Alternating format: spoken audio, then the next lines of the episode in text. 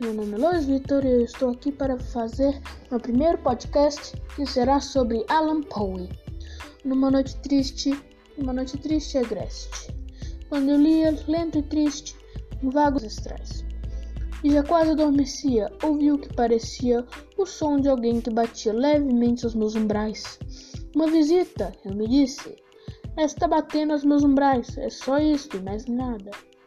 Ah, que bem isso me lembro. Era no frio de dezembro e o fogo morrendo negro urdia sombras desiguais. Como eu queria a madrugada, toda noite aos livros dada, para esquecer em vão a amada, hoje entre hostes celestiais, essa cujo nome sabem as hostes celestiais, mas sem nome aqui jamais.